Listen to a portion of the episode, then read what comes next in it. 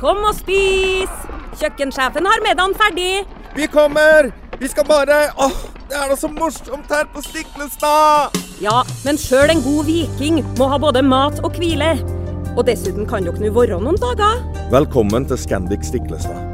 Moderne fasiliteter i historiske omgivelser. Det var her det skjedde.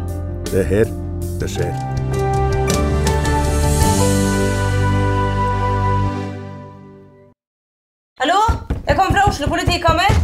Ine Jansen er purk. Er du purk? The motherfucking bitch. Alt jeg vil, er å finne ut hva som skjedde med mannen min. Jon Carew. Er jeg sikta for noe? Iben Akeli. Det er du. Ole So, Lars Berrum og Big Daddy Karsten. Hvem sin side er du på, egentlig? Anette Hoff, Tone Danielsen, Kommer du fra Afrika? Jørnis Josef, Nesten. Kløfta. Trond Espen Seim, Det er synd å si det, men det var feil mann som døde. Purk. Premiere tirsdag på TV2 Play.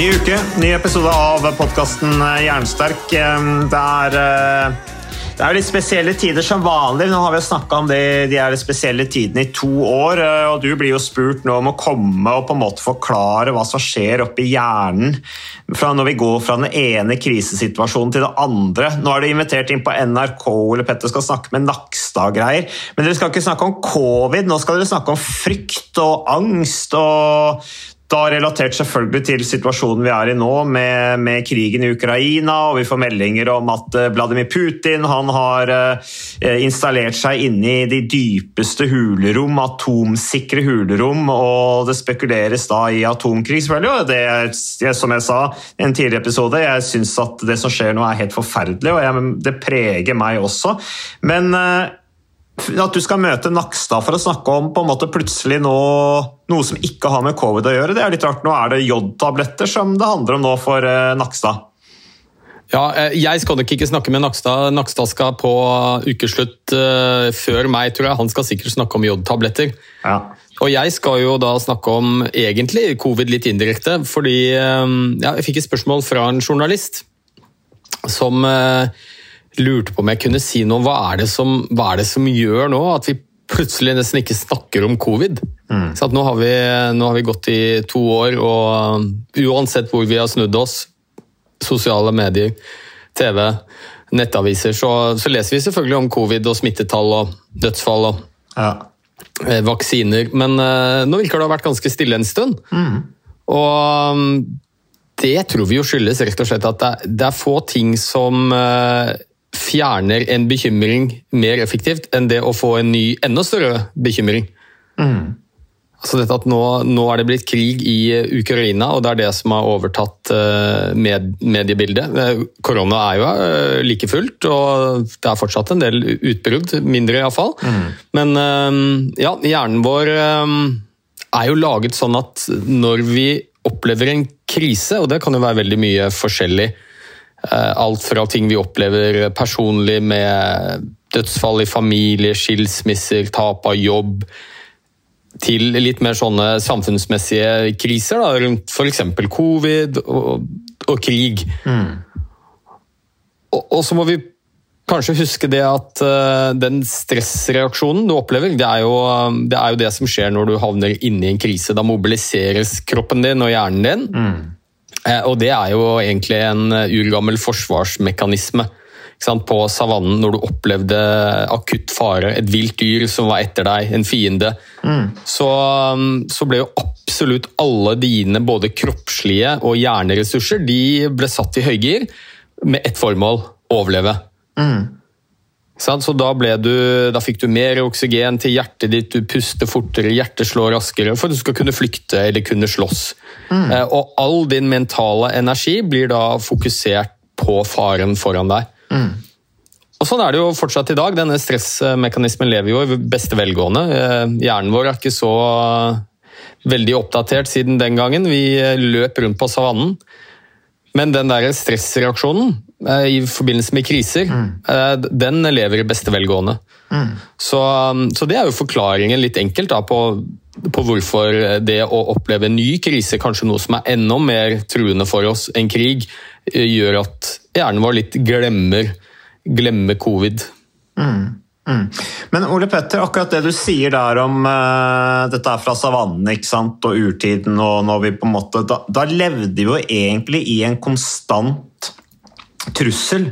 Enten for å ikke få tak i mat, eller fordi at vi kanskje måtte At vi frykta å fryse i hjel, eller eh, at vi var utsatt i forhold til naturen på en annen måte enn det vi er nå. Nå er vi veldig beskytta i våre hus og med varme og alt dette her. eh, I tillegg til dette her med, med å kanskje måtte passe seg for ville dyr i og med at man bodde ute, ute i naturen og sånne ting. Er ikke det egentlig en litt sånn Det er jo helt naturlig at vi, lev, at vi har en hverdag hvor vi er bekymra eller vi frykter noe, at det på en måte er en slags sånn driver i livet vårt. Altså det, det er veldig mange som blir, snakker om at vi da ja, vi er så sliten for det er så mye bekymringer og ditt og datt, men er ikke det egentlig ganske sånn Er, vi ikke, er, ikke, er ikke sånn er livet, på en måte?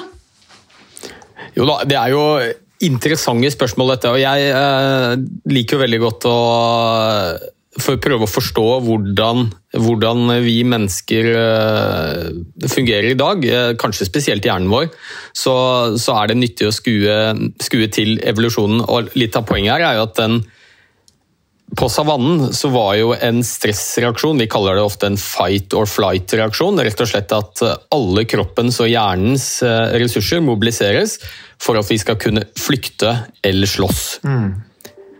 Og det var jo livreddende selvfølgelig på savannen. I dag så lever vi jo en helt annen situasjon. Vi har jo ingen naturlige fiender, og selv om vi kan oppleve truende og til og med livstruende situasjoner i vårt dagligliv, så er jo det ytterst sjeldent. Så sånn at denne, denne stressresponsen da, som var livreddende på savannen, den skaper jo for mange, mange flere problemer enn den løser i dag. Det er veldig sjelden vi trenger den responsen for å overleve i hverdagen, men den aktiveres også når vi har dagligdagse bekymringer, ting vi bruker mye tid og grubler på mm. osv., og, og, og kan føre til en kronisk stressreaksjon. Eh, og da begynner det ikke lenger å være livreddende i, i det hele tatt. Hvis dette, dette stressystemet er mer eller mindre kronisk aktivert, så føles det en rekke uheldige um, konsekvenser for helsa.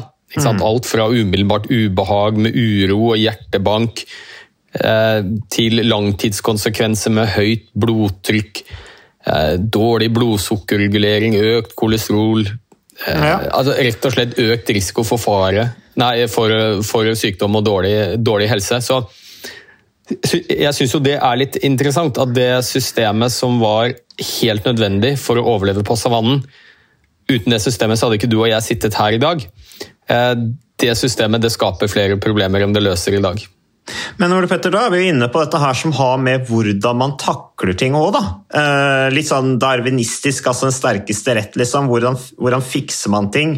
Eh, hvordan håndterer man utfordringer og problemer? Og det er jo også på en måte, Der er det jo også teknikker og rutiner og vaner og fornuft som hjelper oss i, i, hvordan vi håndterer utfordringer og problemer og mentalt stress og frykt og farer.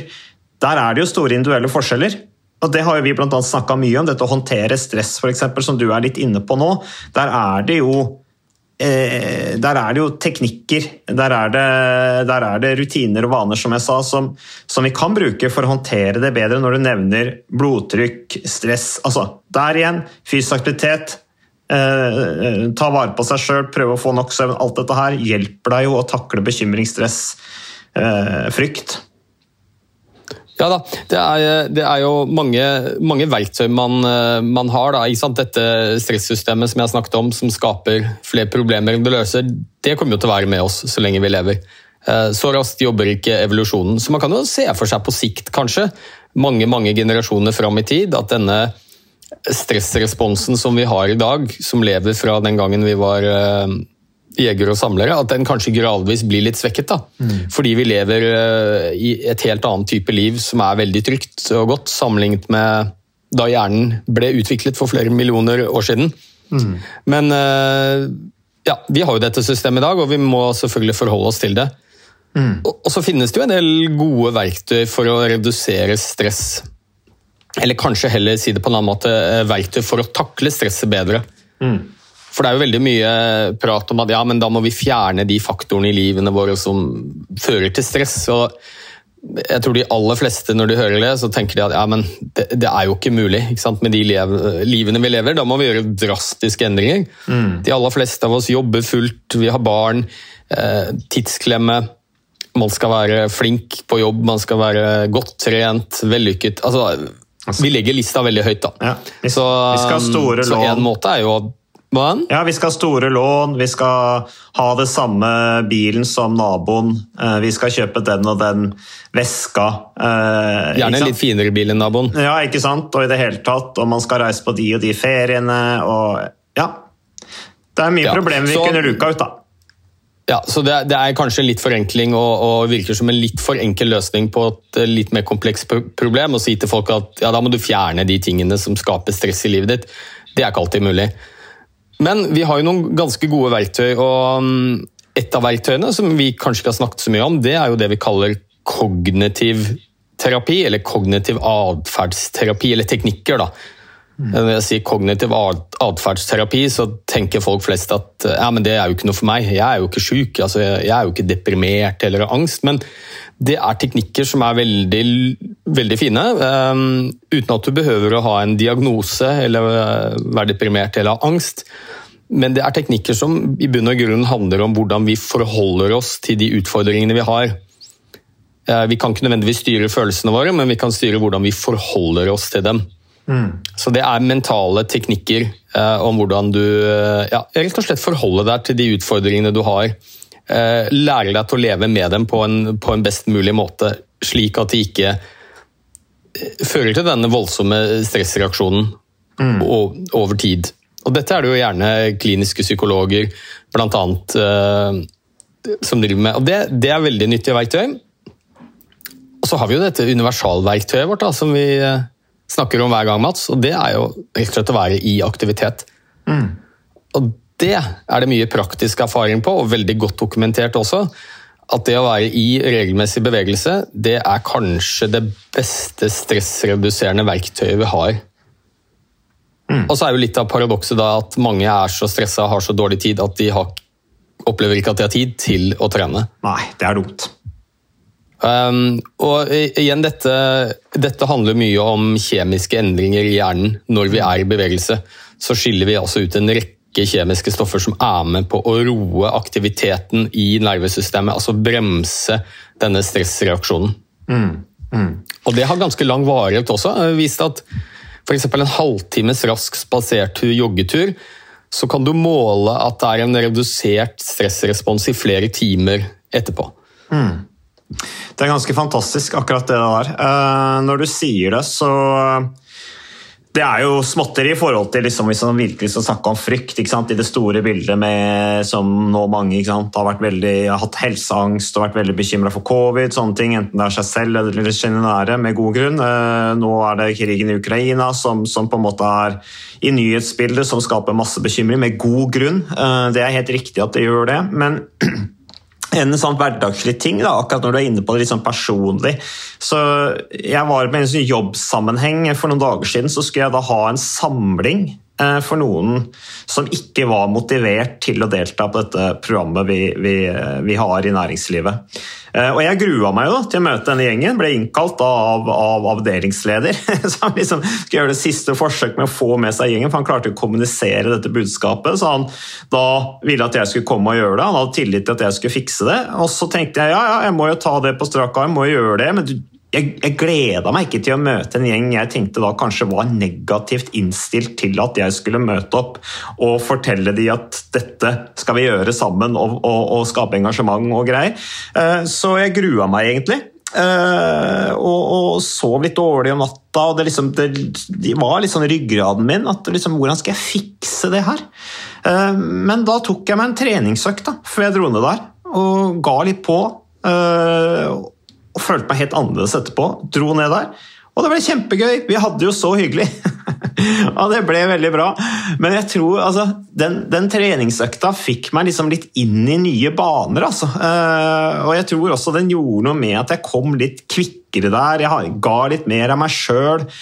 Eh, Så det er noe med det, Ole Petter, at eh, det er lurt. Det er en rutine, en vane, som hvis du skal på en måte prestere, hvis du har press på deg, hvis det er noe du er redd for eller, eller frykter litt, så, så igjen, dette her er med å, være ute i fysioterapi. Du får sortert tankene dine når du er ute, og så er det alt dette kjemiske som skjer, som gjør at du er litt mer i balanse og kanskje tenker mer konstruktivt og offensivt etterpå. Som bl.a. min far har snakket mye om, dette med offensivitet, kreativitet.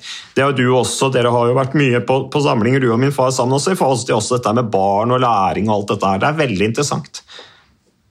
Ja, og jeg syns dette er så kult, fordi eh, nå begynner vi å snakke om trening og fysisk aktivitet på veldig mange forskjellige måter.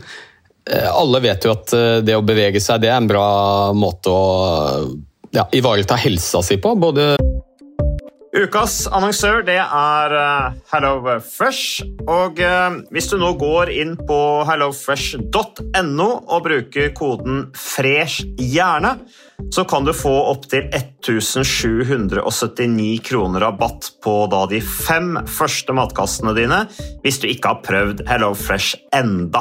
Og Ole Petter, vi er jo glad i HelloFresh i podkasten Jernsterk, selvfølgelig fordi at de er en annonsør. De er med og bidrar til å spre det glade ordet om fysisk aktivitet og god helse. Men i tillegg så har jo vi også nå lang erfaring med HelloFresh selv. Så vi må jo si at det har vært gode erfaringer til nå. Ja, absolutt. Visste du Mats, at HelloFresh det er faktisk verdens ledende matkasseleverandør? Og tilbudene til HelloFresh gjør det enkelt å lage gode og varierte retter som skaper matglede. Og matglede vet du, det er like viktig som hva du putter i munnen. Det å spise mat med folk du trives med. Så gjennom 25 nye og inspirerende retter hver uke så bidrar HelloFresh til dette. Du kan bestille ekstra porsjoner om du får gjester, eller hoppe over uke hvis du f.eks. skal bort. Og Det er ingen bindingstid, og du velger leveringstidspunkt og dag selv, så leverer HelloFresh matkassen din akkurat når det passer deg. Ikke dårlig, Mats.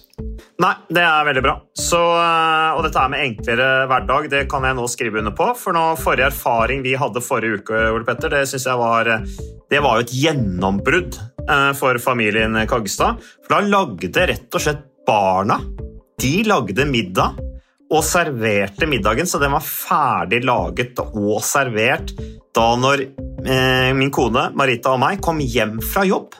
Og jeg mener Det var jo bare helt utrolig. Det var helt fantastisk. Det ble en nydelig middag. Riktignok de, de, de, de roter og søler litt, det gjør de. Så, men, men, maten ble veldig god. De var veldig stolte over å kunne ha både laget og servert maten, så det var helt fantastisk. Så vi har jo da i det siste så har vi spist bl.a. sitron- og dillstekt hyse med ovnsbakte grønnsaker og aioli. Vi har spist middelhavsinspirert kylling. Taco, så finnes det mange ulike typer taco. F.eks. vietnamesisk taco, som vi har spist. Thailandsk vegetargryte. Veldig riktig og sunt uh, i dagens uh, samfunn med, med, fokus på bærekraft. Hvitløk og chilistekte reker i spagetti, det var definitivt en vinner. Så det er så flott. Du får rimelig mat ved at du kun betaler for det du trenger, så det blir ordentlig feststemning med Hello Fresh. Det gjør det, og nå er det bare for deg å gå inn på hellofresh.no og bruk koden FRESH hjerne'. Da får du opptil 1779 kroner rabatt på de første fem matkassene dine hvis du ikke allerede har prøvd HelloFresh. Du kan også bruke rabattkoden hvis du har stoppet abonnementet ditt for tolv måneder siden eller mer. Er det noe å lure på? Håper maten smaker godt. Bon appétit! Fysisk helse og mental helse. Folk trener for å prestere fysisk, sånn som du har gjort i alle år, Mats. Mm. Og, og, så begynner vi nå også å snakke om um, dette med bevegelse som et viktig redskap for å prestere mentalt, eller mm. kognitivt. da. Mm. Og, og, og, det er jo noe vi, de aller fleste av oss, så godt som alle, trenger av og til. Det kan være en viktig presentasjon du skal holde på jobben.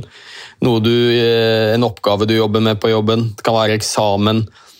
Eh, altså Det kan være et jobbintervju, det kan være den årlige påskequizen på hytta. altså You name it. Vi, vi, er jo veldig ofte i dagens samfunn med de jobbene vi har, så er vi avhengig av å prestere mentalt og kognitivt. Eh, og også der nå så, så begynner det å bli så utrolig godt dokumentert at det å være i bevegelse i forkant, det er noe av det aller beste du kan gjøre for å prestere bedre mentalt. Mm. På så godt som alle arenaer hvor du trenger hjernen din for å få til det du skal. Og så syns jo ikke jeg det er veldig overraskende, og nå er jeg tilbake til savannen igjen. Jeg håper det er ok. Jeg syns det er en flott sammenligning, for det er noe med, vi må ikke glemme hvor vi kommer fra, Ole Petter. Nei, og jeg tror hvis du ser ting i eh, evolusjonens lys, så, så er det litt lettere å forstå hvorfor ting er sånn også. Og mm, jeg tenker at det er ikke veldig overraskende at når du beveger deg, så får du bedre hukommelse, du blir mer eh, oppmerksom, konsentrert, du blir mer kreativ, du blir mer offensiv. Fordi at vi må huske at det å trene, dvs. Si løpe da, på savannen, det var virkelig et overlevelsesverktøy. Det var ikke noe de gjorde for å komme i god form eller for å få sixpack. Det var for å fange sin egen mat. Det var for å flykte etter fienden. Og den belønningen du da får når du beveger deg på savannen, den var jo der fordi at du skulle øke sannsynligheten din for å overleve. For det er klart, skal du jakte på et vilt dyr, flykte fra en fiende, det er klart du må være oppmerksom. Det er klart du må ha god hukommelse, du må prøve å huske hva skjedde forrige gang jeg havnet i samme situasjon. Du må være kreativ. Hvordan skal jeg klare å gjemme meg, komme meg unna dette ville dyret? Eh, Du blir mer offensiv. Så det er egentlig helt biologisk naturlig at alle disse funksjonene styrkes når vi er i bevegelse. Det er bare det at vi tenker ikke på det som veldig logisk lenger, fordi nå løper vi jo ikke for å overleve. Nei, men det er ganske... Og dette gjelder for selvfølgelig ikke bare løping, det gjelder all type aktivitet hvor blodsirkulasjonen øker til hjernen, så får du disse mentale gevinstene. Og det er jo som du sier her, Ole Petter, at det er ganske interessant altså, det der nå at det blir særlig at det blir stadig en større erkjennelse nå blant mange eh, innenfor eh, mental helse, f.eks. Eh, innenfor dette med coaching og sånne ting. At det med fysisk trening, det er Det gjør man for det mentale. Det syns jeg er spennende. og Du nevnte jo for min egen sammenheng. Vi har begge vært idrettsmenn og trente for fysisk prestasjon. Men den treningsøkta jeg tok her om dagen når jeg skulle på dette møtet, det var jo for å prestere mentalt. Eh, Og Da er det jo interessant at dette henger sammen fysisk og mental yteevne. eh, Er, eh, og du kan jo ha dårlig psykisk helse selv om du får bedret mental yteevne av en treningsøkt. Ja, det synes jeg også er interessant i forhold til sant, dette med Egil Borge Martinsson, dette vi har snakket om med bruk av fysisk trening innenfor psykiatrien og sånne ting. Alle er jo mer eller mindre eh, mentalt til stede, eh, uansett hvilket nivå man er på. Eh, men for alle så hjelper fysisk aktivitet. Eh, det, gjør, det gjør deg kvikkere. Jeg skal faktisk ta meg en treningsøkt etter dette, her, Ole Petter, for jeg kjenner at jeg burde egentlig ha trent før vi snakket i stad, for jeg er litt sånn trøtt i huet i dag. Ja, men jeg synes det er en annen ting som er også litt interessant. Eh, Det er jo eh, hvor lite som egentlig skal til da, for å stimulere alle disse funksjonene som vi har snakket om, med konsentrasjon og oppmerksomhet, kognitive funksjoner. Eh, Her er det studier som viser at kanskje så lite som fire-fem minutter med litt aktivitet, og du behøver ikke å ha veldig høy intensitet heller. En rask spasertur, rolig joggetur, sykkeltur. Eh, Fire-fem minutter så viser det seg da altså at du har styrkede hjernefunksjoner i eh, ja, iallfall en time etterpå. Og da er du plutselig litt overkommelig. Du skal i et viktig møte, du skal på et jobbintervju. Spaser raskt fem minutter før du skal inn i møtet. Gå i noen trapper, altså sykle en tur dit du skal. Det er ikke tights og joggesko og en knallhard økt som er nødvendig. Det er veldig lite som skal til for å få en eh, formidabel gevinst. Ja, du får spenninger ut av kroppen. Både fysisk og mentalt, da, som også gjør at du er, eh, blir litt roligere. Eh, Men du, eh, et annet ting som det er en liten sånn sammenheng her. Vi har fått et spørsmål, Ole Petter. Vi har jo egentlig ikke dette på agendaen, men jeg tar det likevel, for vi tar ting på sparket. Men her er det en innsender som nylig sendte inn en, en, et spørsmål. Da. Jeg følger podden deres og synes det er utrolig interessant. Eh, Spesielt spennende når dere går i dybden på ernæring, kroppen, virkninger av mat på celler, hjerneforbrenning osv. Så, videre. så det er hyggelig at hun skriver. Jeg har et spørsmål til dere som jeg lurer på om dere kan fortelle litt om. Og her skriver hun, jeg, jeg har ikke hørt om det, jeg googla det akkurat, men noe som heter L tyrosin, og om det har effekt i treningssammenheng, f.eks. ved vektnedgang og muskelbygging, har en flott dag, skriver hun. Og så sa til det jeg fant om det, så er det altså en aminosyre tyrosin aminosyre som er viktig for å bygge dopamin, adrenalin og noradrenalin. Og det har jo du snakket mye om Ole Petter, i den podkasten her også, i forbindelse med disse kjemiske effektene som skjer gjennom fysisk trening. Har du noe å si til innsenderen vår på det, eller lytterne våre på det? Ja, jeg har jo litt å si, jeg. Eh, det finnes jo et hav av disse tilskuddene, og det kommer stadig nye opp. og dette er en gigabransje, altså dette er jo tilskudd. Og det er eh, hundrevis av milliarder av dollar, faktisk, på, på verdensbasis. Ehm, så litt av utfordringen med, med, disse tilskuddene er at det er ikke veldig strenge krav til eh, hva man må kunne dokumentere, f.eks. For, for å kunne eh, selge disse. Altså de, hvis du sammenligner det med legemidler, hvor det er en veldig rigid prosess for å få noe godkjent, eh, det selges kun gjennom apoteker, det må være på resept fra en lege osv., så, videre, så vet vi at det er 10-15 år med, med, studier og forskning rundt dette her for å sikre at disse legemidlene er trygge, ikke har altfor mye uønskede bivirkninger, at de gjør det de skal. Mm. Når det gjelder tilskudd, så, så, er det ikke samme krav. Så, um, og, og dette selges jo over disk sant, i forskjellige typer butikker, og ikke minst på nett. Så litt av utfordringen er jo å kanskje prøve å finne de tilskuddene som, som kan ha en effekt uten å ha eh, uønskede bivirkninger. Og skille de fra alt det som er uh, rett og slett jugel. Og det er det mye av som du kjøper på nett. Og jeg pleier nå å si som en sånn hovedregel at hvis det er noe som høres litt for godt ut til å være sant, at her er det en pille du skal ta som gir deg bedre konsentrasjon, oppmerksomhet, du går ned i vekt, du eh, løper fortere og du får hår på huet, mm. um, så er det sannsynligvis for godt til å være sant. Men um, Og så er det jo noen da, som uh, man faktisk har litt dokumentasjon på, og spørsmålet her var tyrofin. Mm. Og Det er akkurat som du sier, det er en aminosyre, altså byggestoffene i proteiner og um, Det er spesielt eh, forstadiet til det vi kaller katekolaminer, som er dopamin, adrenalin, noradrenalin, som vi, um, som vi vet er viktige for å yte maksimalt fysisk. Påvirke hjerte, lunger, eh, muskulatur, blodsirkulasjon på en positiv måte. Eh, og så er det dopamin, da, som er kanskje spesielt viktig i dette hjernens belønningssenter. Mm. Så det er gjort noen sånne metaanalyser, meta-analyser, kalles det. Dvs. Si at man tar alle enkeltstudier som er gjort på f.eks. tyrosin og effekten, mm. og så ser man summen av forskningen som er gjort. Da. Og eh, det man har funnet da, er at eh, tilskudd av tyrosin eh, har ikke gitt noe økt prestasjonsevne. Verken muskelstyrke ja. Ja, altså mm. fysisk eh, gevinst da på prestasjonen, verken på styrke eller utholdenhet. Nei. Ikke hatt noen negativ effekt heller, selvfølgelig. Og, og det er rapportert om veldig lite bivirkninger, så dette virker absolutt ikke å være noe skummelt å ta. Derimot så har det vist eh, en gunstig effekt på mental prestasjon. Mm, jeg skulle akkurat til å si det. At det høres jo sånn ut når det er snakk om dopamin og norendalin og alt dette her.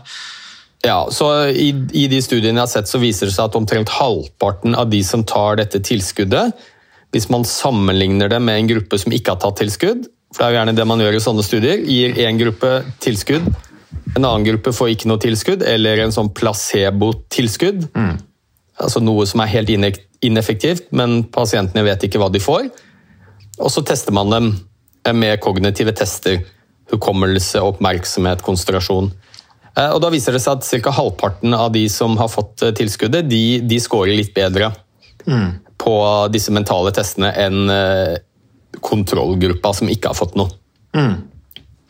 Men Ole Petter, da er vel spørsmålet liksom, Hvis det da gir, har en, en, en fordelaktig mental effekt, så vil det jo igjen kunne gjøre at du da får en fysisk gevinst hvis du trener mye og det er snakk om små marginer og det er snakk om å kanskje måle en liten prestasjonsfremgang, så kan jo det da gi det lille ekstra som gjør at du faktisk har fremgang. Da. Men jeg tenker, er det sånn at du kan ha, være, på, være i underskudd av L-tyrosin? Og at du dermed kan ta dette som et tilskudd, eller at det er nødvendig å ta et tilskudd av det, eller er det noe som bare kommer og går litt, eh, og du ved å holde seg frisk og rask og, og spise sunt og trene regelmessig, så har du tilstrekkelig med det i kroppen? Ja, her må jeg si at her eh, har jeg ikke nok eh, detaljkunnskap om det. Men det er, mangel på tyrosin er ikke noe folkehelseproblem i Norge. Det er en aminosyre du du eh, får nok av stort sett, altså. Så kanskje er spørsmålet her um, Hvis du har en normalt nivå av tyrosin, vil du få enda bedre prestasjon hvis du tar tilskudd. Det er, det er jo ofte det som er tilfellet når vi snakker om disse tilskuddene. Mm. Altså Én ting er å ta tilskudd hvis du har mangler, da er det jo ikke noe vanskelig å anbefale det. Hvis du ikke har nok omega-3 gjennom kosten din, Eh, så vet vi at det er kjempeviktig. Da bør du ta tran eller andre tilskudd. Har du for lite jern, så bør du ta jerntilskudd osv. Men spørsmålet er jo da heller kanskje hvis du har et helt normalt nivå, vil du da få en eh, ekstra effekt ved å ta mer? Um, og det tyder det altså på, akkurat når det gjelder tyrosin, når det gjelder mental uh, prestasjon. Men da, da, har jo jeg litt lyst til å si at eh, ja, du må gjerne ta tyrosintilskudd for å øke mengden dopamin, adrenalin og noradrenalin. Mm. Men du får en mye kraftigere økning av eh, disse katekolaminene, dopamin, adrenalin og noradrenalin hvis du trener. Ikke sant. Ja. Så det hadde vært interessant her å, eh, å se på effekten av tyrosintilskudd hos én gruppe og en annen gruppe som var ute og trente en tur, og så tok de disse testene. Mm. Så um, ja.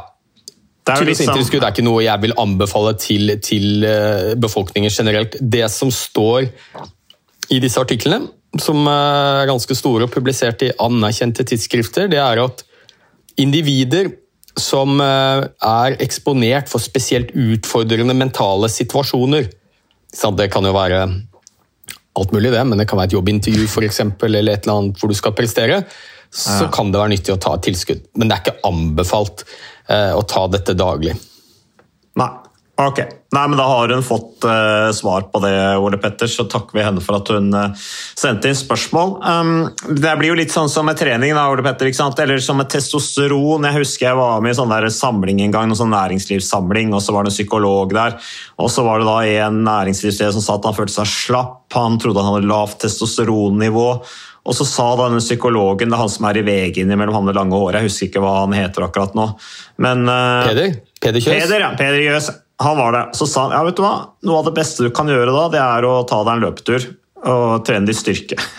Det vil gjøre at du får litt mer energi og får opp testosteronnivået. Det var ganske utrolig da, at psykologen, en sånn kjent psykolog Peder Jøs sa det. Så han er på ballen når det gjelder det. Um, det blir jo litt det samme. Altså Hvis man føler seg trøtt og sliten mentalt, så, og man snakker om disse her tingene du har snakka om nå, Noradalin og tilskudd som innsenderen vil vite om, og dette her, så treninga i seg sjøl gir en mental effekt som gjør at du føler deg kvikkere. Uh, i, i, oppe i, i, toppen. Da. Så det er uh, Trening det, er det beste tilskuddet vi ja, kan ta. Det er det, det er det. Og det er derfor vi har kalt denne trenings-, mosjons-, folkehelsepodkasten nettopp for Hjernesterk. Takk for at du har lyttet, og vi er tilbake med mer neste uke.